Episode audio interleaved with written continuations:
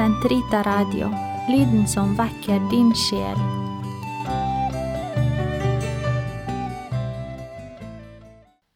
Den katolske kirkes katekisme, uke 36, fredag 22.44 til 22.57.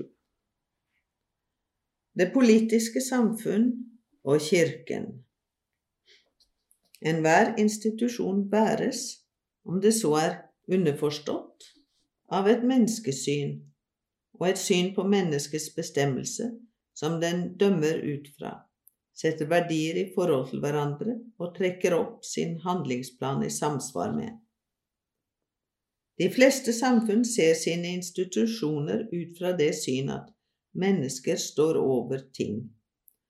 Bare den guddommelige, åpenbart religion har klart erkjent Gud, skaper og gjenløser, som menneskets opphav og bestemmelse. Kirken oppfordrer de politiske myndigheter til å underordne sine avgjørelser og bestemmelser under denne inspirasjon fra sannheten om Gud og mennesket. De samfunn som ser bort fra denne inspirasjon, eller benekte den i kraft av sin uavhengighet i forhold til Gud, ledes til å søke referanserammer og målsettinger i seg selv eller i en ideologi, og fordi de ikke tillater at man forsvarer et objektivt kriterium for godt og ondt, gir de seg selv totalitær makt, enten den nå er uttrykt eller mer dulgt, over mennesket og dets bestemmelse, slik historien viser. Kirken, som ifølge sin oppgave og sitt myndighetsområde ikke på noen måte faller sammen med det politiske samfunn, er på en og samme tid tegn på og forsvarer av menneskets transcendente preg. Kirken respekterer og fremmer politisk frihet og borgernes følelse av medansvar. Det hører med til Kirkens oppgave å felle sin moralske dom, selv over politiske forhold, når menneskets grunnleggende rettigheter eller sjelenes frelse krever det.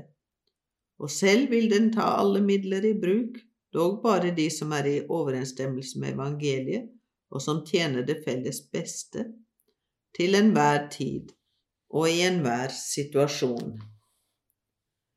Kort sagt, du skal ære din far og din mor. Ifølge det fjerde bud har Gud villet at vi nest etter ham skal ære våre foreldre og dem han til vårt beste har gitt myndighet over oss. Ekteskap er tuftet på ektefellenes pakt og samtykke. Ekteskap og familie er ordninger til beste for ektefellene, for forplantning og barneoppdragelse. Så vel en enkeltmenneske som det verdslige og kristne samfunn er for sin trivsel meget avhengig av sunne forhold for ekteskap og familieliv. Barn skylder sine foreldre aktelse, takknemlighet, rimelig lydighet og hjelp. Barns respekt for sine foreldre fremmer harmoni i familielivet. Foreldrene har det fremste ansvar for å oppdra barna i tro, i bønn og alle dyder. Innenfor det muliges grenser har de plikt til å imøtekomme barnas fysiske og åndelige behov. Foreldre må respektere og fremme sine barns kall. De må huske å undervise om at den kristnes fremste kall er å følge Jesus.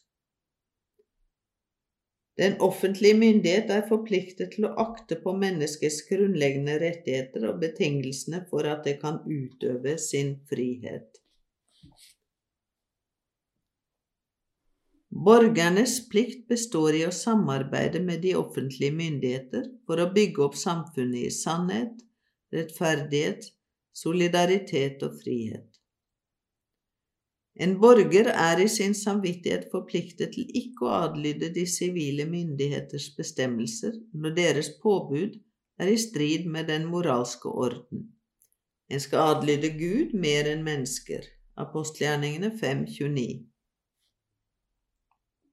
Ethvert samfunn ser sine avgjørelser og sin handlemåte i lys av sitt syn på mennesket og dets bestemmelse.